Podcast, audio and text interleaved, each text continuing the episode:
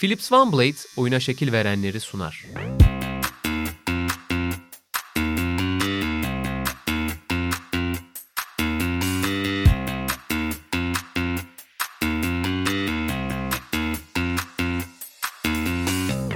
Philips Van Blade'in katkılarıyla hazırlanan Oyuna Şekil Verenler serisinin ikinci bölümünde İlancım senle beraberiz. Bugün gerçekten de kendi pozisyonuyla beraber oyuna hakikaten şekil veren, değiştiren e, bir ismi ağırlayacağız. Kafu. Kafu. Yani back kavramını Roberto Carlos'la beraber aslında bambaşka bir noktaya çektiler. Bambaşka bir seviyeye getirdiler ve bambaşka bir şekle soktular diyebilirim herhalde. Genel senle, sana bırakayım öyle başlayalım. Yani Brezilya dediğin ülke zaten dünyadaki modern futbolda bugünün oyunundaki back kullanımında çok fazla öncülük etmiş bir ülke işte. Calma Santos, Nilton Santos ikilisinden bir başlarız. Carlos Alberto'ya, Josimara, Junior'a, Branco'ya, Jorginho'ya zaten oyunda muazzam etkisi olan bekleri sayarız. Ama işte internet, televizyon, futbolun yayılması, e, coğrafyaya geniş olarak her eve girmesi bu adamların döneminde oldu ve bu adamlar belki de işte back kavramının daha çok ne diyelim popülerleşmesinde büyük katkı sağladılar. Yani Karakterize ettiler bugün aslında. Roberto Carlos'u da Cafu'yu da 2002 Dünya Kupası'nı kazanan Brezilya'nın ana damarlarını sayarken sayabiliyoruz. Real Madrid'i sayarken Carlos diyor diyebiliyoruz. İşte Milan'ın o Liverpool'a kaybeden kadrosunu sayarken işte o Cafu'yu o güçlerden biri olarak gösterebiliyoruz.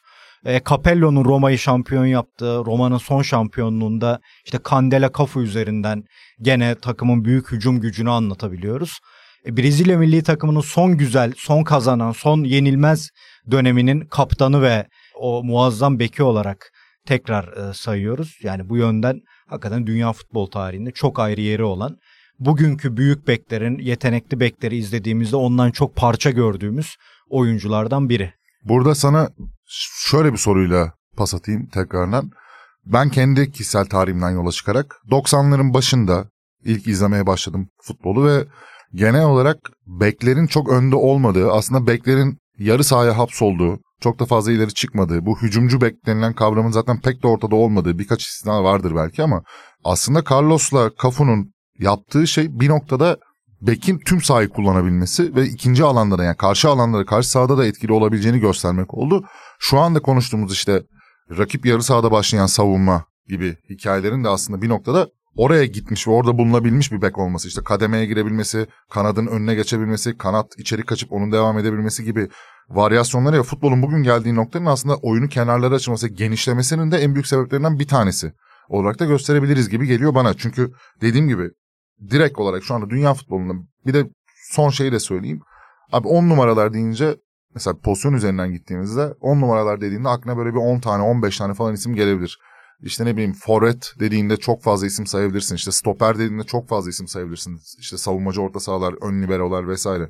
Ama bek dediğinde aklına dünyanın gelmiş en iyi bekleri sıralaması yaptığında Kafu ve Carlos'a başlıyorsun ister istemez. Yani ezberde böyle bir durum var. Onların üzerine inşa edebiliyorsun. Evet onların devamında Lam geldi. Bir sürü isim sayabiliriz. Yani milyon tane buna yakın sayan isim var ama bir yeri işgal ediyorlar şu anda. Aslında bir pozisyonu sahanın bir bölgesini isimleriyle işgal eden iki isim ve bunlardan biri de Kafu diyebilir miyiz sence? Ben şöyle düşünüyorum. Yani bekler dediğim gibi 70'ler 80'lerde de büyük bekler çok fark yaratıyor. Yani bugün 82 Brezilya izlerinde Junior'u bugün Pep Guardiola'nın o onunla özdeşleşen beki sol iç gibi kullanıp oradan katkı yapan oyuncu olarak gayet izleyebiliriz. Paul Breitner'i aynı şekilde izleyebiliriz. E, İtalya milli takımı ve Juventus'tan bahsettiğinde Antonio Cabrini'den bahsetmezsen başta Trapp sana sinirlenir. Çünkü o otobiyografisinde şey der. Cabrini'ye bir sol bek demedim hiçbir zaman. Gizli bir sola çıktı diye anlatır. Andreas Brehmes'i var. Şunlar var bunlar var. total futbola döndüğünde Kroli var, Zurbier'i var. Sağ bek, sol bekler.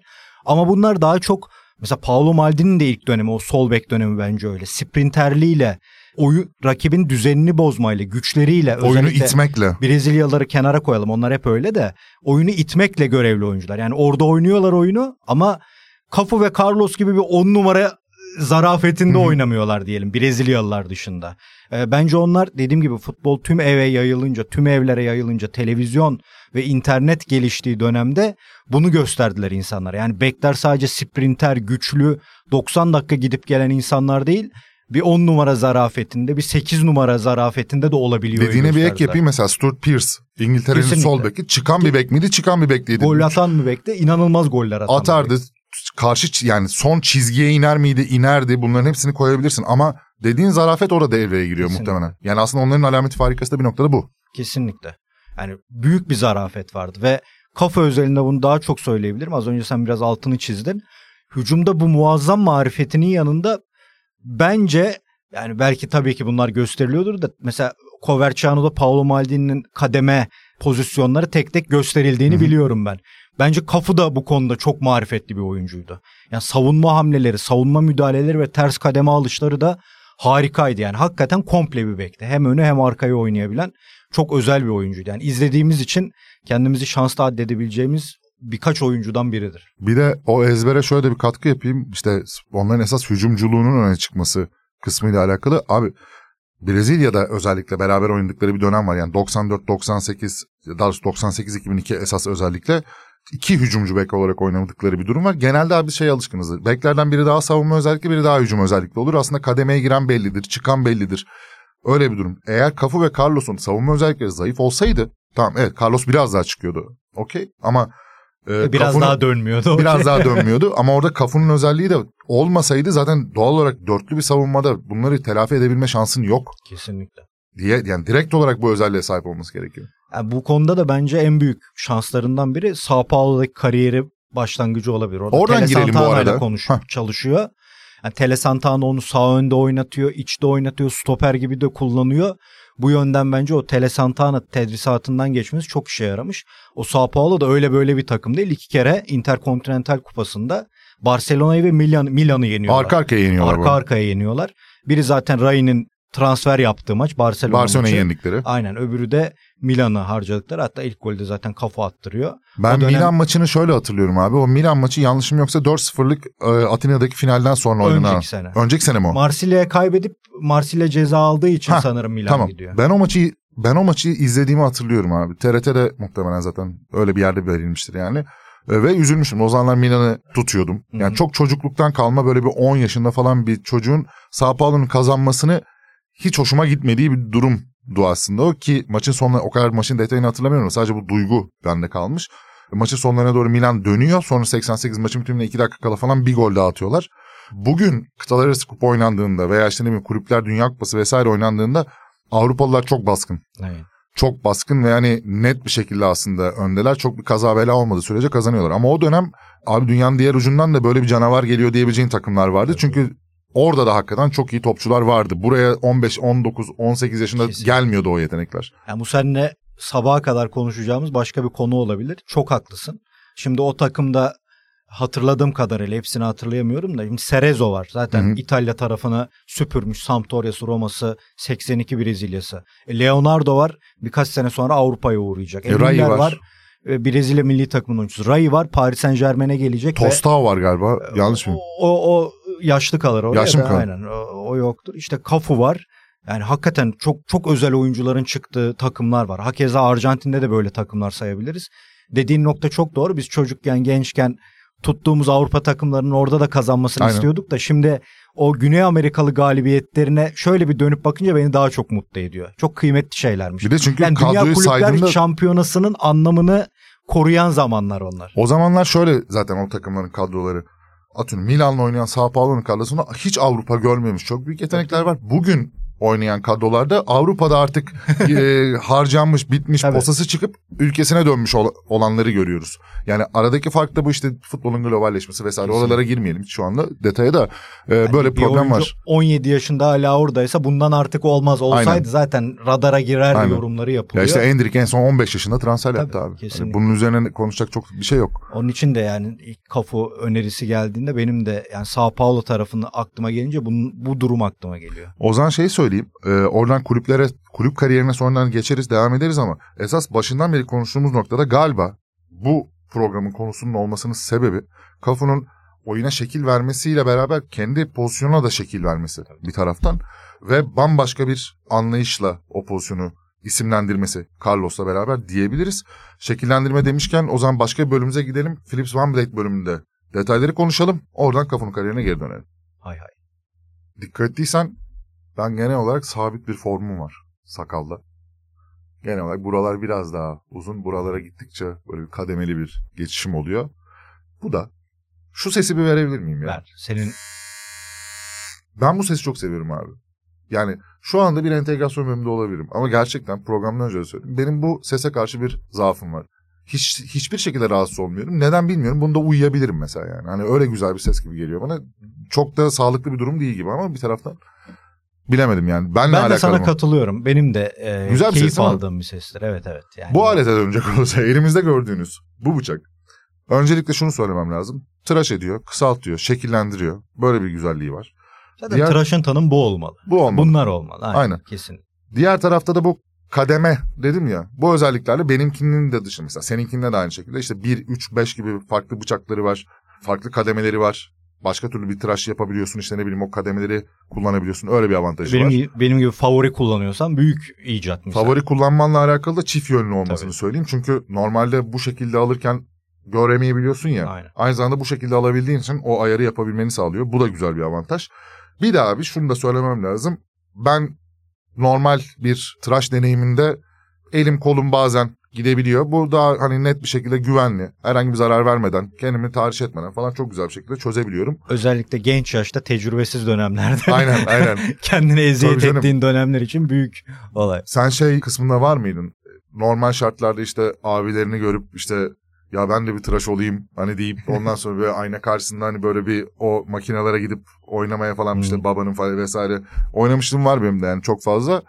Öyle yani net bir şekilde bunu söyleyebilirim ama bunun da güzel bir şekillendirme özelliği var. Bunu da kullanmanızı öneririm yani. Benim için bu tarz e, aletlerde önemli işaretlerden biri de şu. Ha su geçirmemesi. Kesinlikle. Aynen. Çünkü ben ben de şöyle bir insanımdır. Tıraşımı olurum. Ama daha sonra bir şeyi beğenmem. Yani şurada kalmış, burayı biraz uzun bırakmışım diyebilirim. Ama çoktan da artık o kaldırılmış ya da hı. temizlenmiş olduğu için bir yandan kıyamam da bu yön, bu yönden çok kullanması kolay oluyor. Yani ıslak Ee, ve kuru olarak da yapabildiğim bir durum var. büyük icatlardan Aynen. biri bu bence. O zaman kafıyor mu dönelim tekrardan? Buradan da devam edebiliriz. Buradan Çünkü tam benim istediğim kıvamda bir e, tıraş vaat ediyor. Ama kafuya da dönebiliriz tabii. Tamam. Onun da yeri ayrı bizde. Güzel. Kendi şeklimize, şemalimize dikkat ettiğimize göre kafaya da dönebiliriz. öyle bir kitlendin ki çıkışta bir tıraş izleyeceğiz gibi. Canlı onur tıraşı. Yok onu yarın olurum ya. Tamam. Onu yarın olurum. Ben sese çok şey oldum. Elimde böyle bız bız gezebilirim ama yani onu baştan söyleyeyim. Kafu'nun kulüp kariyerinden devam edeceğiz dedik. Kulüp kariyeriyle alakalı benim aklımda evet Milan var. Ama benim aklımda her zaman için Roma'nın kadrosu var. Bunun da sebebini ben kendim söylüyorum. Yani duygusal bir tarafı var onun. Ben bir Roma taraftarı değilim. Ben bir Fiorentina taraftarıyım. Fiorentina taraftarı olmamın sebebi de yani o dönem için söylüyorum. Şu anda pek kalmadı. Bu arada Fiorentina'yı tebrik edelim. Finale kaldılar. Hem de Ee, ne final. Aynen. Son saniyelerde. Son saniyelerde. Batistuta'dan sebep benim bir Fiorentina sevgim vardı ve o Batistuta'nın şehri bırakıp Roma'ya geçtiği sezon Hmm. o sezonu yani bir Batistuta hayranı olarak o seneyi ben bir Romalı olarak geçirdim. Ve Cafu da o takımın belki de 3-4 en önemli parçasından bir Kesinlikle. tanesiydi. Yani o bölümde bir şampiyonluğu var. Cafu'nun da zaten Avrupa'daki ilk şampiyonluğuna tekabül ediyor o bölüm. Sen o takımı, Cafu'yu, o Cafu'nun oradaki yerini nasıl hatırlarsın? Yani bugün çok konuşulan işte kanat beki mi sağ bek mi kavramı var ya Roma öyle oynuyordu zaten. 3-5-2 oynuyorlardı ve solda Kandele sağda Kafu hücumları şekillendiren hücumları genişleten özellikle ters toplarla o hızlı yani Totti merkezde öyle Hı hı. kullanırdı. Solda Kandele sağda Kafu'yu ters toplarla forvetleri Montella Batistuta hareketlendiren bir yapı vardı. E bunu da dediğin gibi can damarlarından biriydi cidden Kafu. Orada benim için de ilginç olan şeylerden biri bunu o zaman izlerken tabii ki bilmiyorduk. Sonra sonra okudukça öğrendik. İşte Zaragoza'dan sonra Palmeiras'a gidiyor. Palmeiras aslında Parmalat üzerinden Parma'nın kardeş kulübü gibi. Oradan bir Ancelotti'nin kitabında da vardır hatta Cafu'nun transferi mevzusu Parma'dayken. Ama oradan Roma'ya geçiyor. Orada mesela hamlelerden ilginç hamlelerden biri o. Bu arada Tam Zeman dönemi. Zaragoza döneminde Arsenal'i yenip Tabii. kazandıkları Kupa Galipleri Kupası finalinin kadrosunda olduğunu da söyleyelim. Evet. 94-95 olması lazım. Senin Evet. şoklarından. Aynen benim Yazlıkta şoklarımdan. izledin. Çanakkale'de tatilde izledim. Bayram tatiliydi yanlış hatırlamıyorsam. Bu açıdan ilginç misal. Yani o Parma'da da çok cuk oturabilirmiş ama Roma Zeman'dan önce Lidolm vardı. Büyük ihtimal Lidolm'ün kancasına takılmış Hı hı. olabilir. O da çünkü İtalya'da özellikle Paolo Maldini hep onlar sağ bekleri hücumcu hüviyeti kazandıran adam derler ona. Bu arada bir şey söyleyeceğim. Sen o topa da e, bir girip açar mısın o bölümü? Seninle konuşurken Kafur'a neler üzerinden gidebiliriz diye konuşurken aslında sol beklerin, sol ayaklı futbolcunun az bulunmasından sebep sağ beklere göre daha nasıl söyleyeyim önde olduğu, sağ beklerin daha sıradan topçular olarak gözüklü bir dönem var. Esas oradan da bir alıp oraya bağlayabilirsin. Ya sıradan değil de şöyle diyebiliriz. Yani savaş sonrası dönemde 70'ler bu modern oyunun yavaş yavaş ayaklanma, emekleme dönemiyken işte İtalyanlar, Almanlar yani Avrupa'nın güçlü kulüpleri hatta Hollandalılar. E, Surbier vardır da onun çok yeteneğinden bahsedemeyiz. Daha tempodur onun işi. Yani Krolü'dür, işte Cabrini'sidir, Faketti'sidir, Breitner'idir. Sol tarafta hep oyuna şekil verebilecek oyuncular var. Ama sağ tarafta genelde işte o ikili Daha tılsımlı stoperi- oyuncular. daha evet daha markaja verdikleri, daha markajla görevlendirdikleri işte Berti Fox, Gentile, Tarkisio Burgnic gibi oyunculardan bahsedersiniz Avrupa futbolunda. Ya bu durumu Brezilyalılar ezelden bozmuş durumda. Onlar hep hücumcu bekleri kullanıyorlar sağlı solu ki onlar da 70'te misal Everaldo bu sefer terse dönüyorlar. Daha savunmacı Carlos Alberto daha Carlos Alberto. oluyor. Ama işte İtalya'da bunu bozanlardan birine e, Maldini geçtiğimiz senelerde verdiği bir röportajda öyle demişti. Yani bunu İtalya'da bozanlardan biri Lidolm'dü. Sonra da Sacchi geldi Hı hı. diye. Lidolm şeyde Roma'da Maldera'yı sol bek kullanıyor. Sağda sol bek Nela'yı atıyor. Ters ayaklı yani orada ters ayaklı adam kullanıyor. Daha sonra Tassotti'yi yetiştiriyor Milan'da. İşte sonra da Sa- Sacchi'nin meşhur Tassotti'li Maldini'li haldır haldır giden e, ekibi çıkıyor ortaya. Ya bu açıdan Brezilyalıların ne kadar oyuna yön verdiğini söyleyebiliriz. Kafu'da bana göre dediğim gibi bu yön verilen disiplinin başlığın en üst seviyesi. Onda da büyük ihtimal onun için dedim. Lidolm'ün kancasına takılmış olabilir. Sonra da Zeman da zaten Allah ne verdiyse bastırıyoruz futbolu oynattığından onun oyun stiline cuk oturan bir bekti. Ama dediğin gibi yani benim de aklıma Cafu dendiğinde Capello'nun Roması geliyor. Çünkü Orada zaten bir de Zeman'la bir buçuk sene falan iki sene çalışmıştır. Sonra Capello dönemi başladı. orada şeyi de hatırlarsın şimdi Nedved'in üzerinden Tabii. oynattığı Nedved'i çizgide 2 3 bir 2 3 kere mi ne böyle oynattığı bir şey vardır. O da zaten futbol tarihinden de bütün bu paylaşılan işte adını şu anda veremediğim işte güzel hareketler vesaireler videoların hepsinde bir şekilde bir yer bulur kendine yani. E Bir de derbide onu yapması Aynen. o soğuk ya. Zaten Brezilyalı oyuncularda benim en çok sevdiğim şey eski tip Brezilyalı oyuncularda değil? Bu soğukkanlılık. Ha, yeni tipinde de var yani Dünya Kupası'nda adam gerilmeden sektirip sektirip röveşatayı deniyor yani. O, o saf futbol e, yetenekleri, o rahatlıkları bunu yetenekleriyle Daha içselleştirilmiş bir şey o yani. Kesinlikle çok özellikli bir şey. Çok zarif bir şey. Yani Kafu da orada onu gösteriyor. Nedved'in üstünden. Başkent derbisinde o hareket muazzam. Ama Kafu golü şimdi Fiorentina dedin de bence en güzel golü de İtalya kariyerindeki Fiorentina'ya attığı o zbam diye vurduğu toptur. Genelde çok fazla golleriyle anılan Yok, bir evet. topçu değil. Toplamda da böyle bir Avrupa kariyerinde 15 gol, 10-15 gol civarı bir toplam katkısı var ama dediğin gibi yani hiç gol atmamış bir futbolcu olarak bile gelse kendi takımının belki de hücumunun başlangıcı ve bütün o hücumun kuruluşunda veya oyun yapısının işte oyunun açılmasında ve diğerlerinin pozisyon bulabilmesinde bir asist özelliğiyle çok özel bir yeri olduğu kesin. Onur şuna da değinelim. Bak aklıma geldi şimdi o. Hani az önce dedik ya ya bekler eskiden oyunu bozuyorlar ama atletizmiyle, tempolarıyla, güçleriyle. Mesela Kafu çok zarif görünüyor ama bence güç ve kondisyon açısından da acayip bir oyuncuydu. Ancelotti kitabında Yok o diyor ki tren gibiydi ya. evet ya her Brezilya'ya gittiğinde tatilden dönen oyuncular için bir ek idman yapmamız gerekirken Kafu gençleşmiş dönüyordu. Bunu nasıl yaptığını da hiçbir zaman söylemedi diyor. Öyle bir espri yapıyor sonunda. Muazzam da hatırla Liverpool Milan o muazzam finalin bir e, tekrarını oynadılar diyelim. Herkes artık tekabüler takımı olduklarında e, İstanbul'daki Ha, Atina'daki o ha. ikilinin sonra bir, birinin jübilesi için ya orada hani Kaka bile artık en gençleriyken yavaşlamışken kafa aynıydı neredeyse. Kaç yaşına gelmişti artık. Muazzamdı. Bir de abi şey yani şöyle bir durum var. Yani bir 10 numaranın yıpranmasıyla bir bekin Kesinlikle. yıpranması o yaşa kadar devam edebilmesi ve kendini bir şekilde ya 90'lar Dünya Kupası kadrosunda da var. E, Kafu- Jorginho sakatlığı sonrası giriyor ki Var. hayatımıza da benim öyle girdi. Aynen. Çafu, kafu. Hatırlıyorsun hep 2008'de de değişiyordu. 2008'deki yani Milan'da 2008 yılına kadar da orada bir performans yani 14 yıldan bahsediyoruz. O dönemin 90'lar için konuştuğumuzda futbolcunun 32-33 yaşında bir şekilde artık tamamen ya bıraktığı ya düştüğü bir noktada böyle bir kariyere sahip olmak da çok özel. Aynen öyle. Ki orada da yanlış hatırlamıyorsam öyle bir şey vardı. Japonya'ya gidecekti, Milan'a gitti. Hani o Milan'ın o zaman tıp ekibi acayip Hı hı. ünlüydü ya. İşte Maldini onlar nedeniyle Bir oynadı. Bayern, bir, Bir de, de Milan, Milan. Milanello tarafı. O o nedenle aklını çeldikleri anlatılır. Hakikaten hakkını da vermişler Verdi. öyle varsa. Verdiler. Öyle bir şey varsa. Yani- Muazzamdı. Bu arada ya kariyere şöyle bakıyorum. Milan'da Şampiyonlar Ligi almışlığı da var. Evet o yani O Milan'ın finalde yoktu ama değil mi? İki- Atina'da yoktu finalde sanki. ama kadroda Otto, var. tabii tabii yani var. sonuçta hani öyle bir kadro O şey var. büyük, büyük kayıpta vardı kadroda. Büyük Orada kayıp dev da var. kadroda Zaten var. o kadroda var. O işte herkes şey yapar ya klasik sürekli mimler gelir işte. Ulan bu Milan nasıl yenildi? Bu Milan'a nasıl kaybetti dedikleri. Bu Milan kadrosunun ana parçalarından bir tanesi. Ya abi kariyere şöyle bakıyorum. Kıtalar arası kupa var. Dünya Kupası var. Son Brezilya'nın son, Son dünya. dünya. Bu arada şöyle yani 3 tane Dünya Kupası'nda oynuyor. 94'te kupayı kazanıyorlar. 98'de finalde kaybediyorlar. 2002'de kupayı kazanıyorlar. Onu Yani- bence etkilerinden biri de bu biliyor musun? Hani artık diyorlar ya Dünya Kupası şöyle böyle filan. Ya Dünya Kupası'nda bu hanedanlığı kurmak insanların aklında acayip yer ediyor. Yer Çok ediyor, büyük doğru. bir iş çünkü. Ne kadar büyük iş olduğunu o jenerasyon bittikten sonra gördük.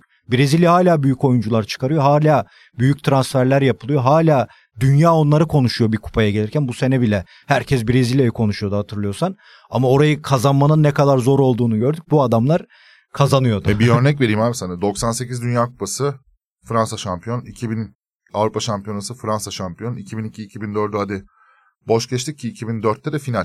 Tabii. Yani devamında da 2006 Dünya Kupası'nda yine aynı şekilde bir final. Abi Zidane'ı Zidane yapan en önemli şeylerden bir tanesi de bu. Ama bugünün mesela yine dominant kadrolarına bakıyorum. Fransa şu anda so- son bölümde gene dominant. 2016'dan bu yana bir e, hep oralarda olan bir takım var ama Fransa'dan bu oyuncu diye öne çıkarabileceğim bir tane isim yok. Çünkü Şey diyor sadece Pogba kulübe göre burada daha iyi oynuyor. kulübe göre Aynen burada daha iyi diyorsun. diyorsun. Bu kadar. Ama hani dediğin gibi o dönemin bir daha abi oradaki karakterler bence birazcık daha nasıl söyleyeyim daha kalıcı karakterlerdi. Çünkü bu kadar e, sabun köpüğü gibi bir anda harcanabilecek bir internet vesaire dünyası olmadığı için Bir de işte bağların daha gerçek Ro- kalabiliyordu. Bir de yani. Roma'da kalıyordu yani. O sistemin içinde kalıyordu. Aynen. Şimdi en ufak parlayan oyuncu bir takıma gidiyor ve o sisteme ayak Bir de orada başarı kalıyor. unutulmuyor. Burada Tabii. bak benim hani çıkıyorum mevzudan ama hani şey de söyleyeceğim. Mesela geçen sene Manchester City Guardiola üzerinden örnek vereyim. Abi yarı finale gene Real Madrid sürklase etmişlerdi ilk maçta. O maçın hani o skorla bitmesi inanılmaz. İkinci maçta da son dakika girerken de eliyorlardı. Şaka gibiydi. Ha, elendiler ve Guardiola gene işte beceriksiz yarı işte final bile göremiyor vesaire yani içinden geçti herkes bir anda. Ertesi sene bu sene şu anda uzay futbolu oynatıyor. Tarihin gelmiş şey. Ya gelecek sene çeyrek finalde elensin yine Guardiola hoca değil moca değil noktasına döneceğiz. Yani bu kadar fazla unutulmak Bir ek daha yapayım mı? Ha. Tabii ki City ayarında değil ama Napoli muazzam sezon geçirdi. İnanılmaz erken şampiyonluk ilan etti. Evet. İtalya tarihinde ben hatırlamıyorum öyle bir şeyi. Özür dilerim yanlışım varsa. Milan maçında oyunları hiç bozulmadı. Benfica Benfica'nın Inter karşısında oyunu bozuldu. Ee, ama Napoli'nin bozulmadı. Napoli gene topu aldı. Napoli gene baskı yaptı. Gol atamadı. Ba- Bireysel performanslar şu bu diyebiliriz. Hocanın yanlış karar diyebiliriz. Ama şey oldu. Napoli balonu patladı oldu. evet.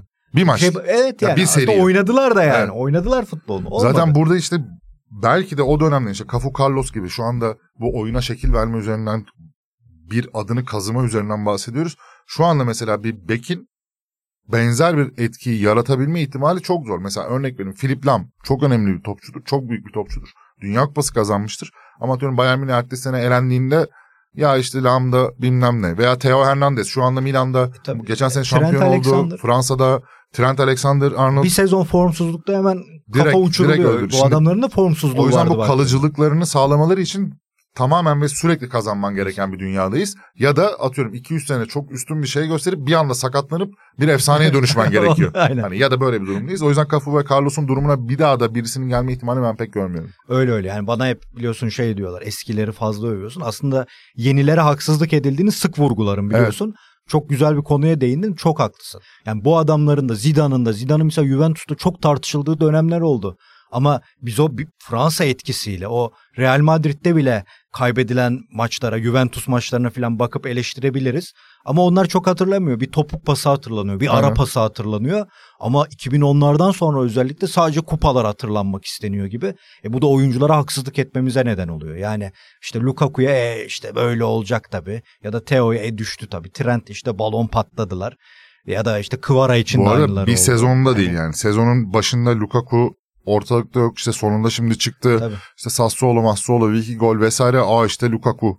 Şu anda mesela büyük ihtimalle işte finale geldiğimizde Lukaku yanına bir tane daha işte City'den işte Haaland yan yana fotoğraflarla falan göreceğiz. Bir gol atarsa kral atamazsa da geçmiş Aynen olsun öyle. olacak yani. Yani onun için o konuda çok haklısın. Böyle el üstünde tutulan bizim ne şartta olursa olsun çok saygı duyduğumuz oyuncuların artık o prestiji azalıyor gibi. Bu Azalıyor. alışkanlıklar Ya yüzünden. daha kolay e, harcanıyor. Harcanıyor ve daha kolay hedefler. Yani Kesinlikle, ve ben kesinlikle. hani dediğim gibi sürekli kazanman gereken kazanamadığında da en kötüsü ve beceriksiz ve loser damgasını yiyebileceğin bir dünyada bana bunlar çok zor geliyor açıkçası artık. Yani Kesinlikle. böyle etkilerin olması. Toparlayalım. Son olarak Kafu ile ilgili söylemek istediğim bir şey varsa ben senden alayım. Kendimle alakalı söylemem gereken şey de benim bildiğim, gördüğüm, bunun bilgisayar oyunlarında etkisi vardır. İşte ne bileyim dediğin gibi o Brezilya'nın etkisi vardır. Cafu Carlos, Cafu Carlos şeyi benim zihnime yerleşmiş durumda. Büyük ihtimalle de hani bundan yıllar sonra da oturup hani bu oyunun başlangıcı, bu pozisyonun tanımlayıcısı, şekil vericisi olarak konuştuğumuzda da benim aklımda aynı isim kalmaya devam edecek gibi geliyor. Bilmiyorum sen ne diyorsun?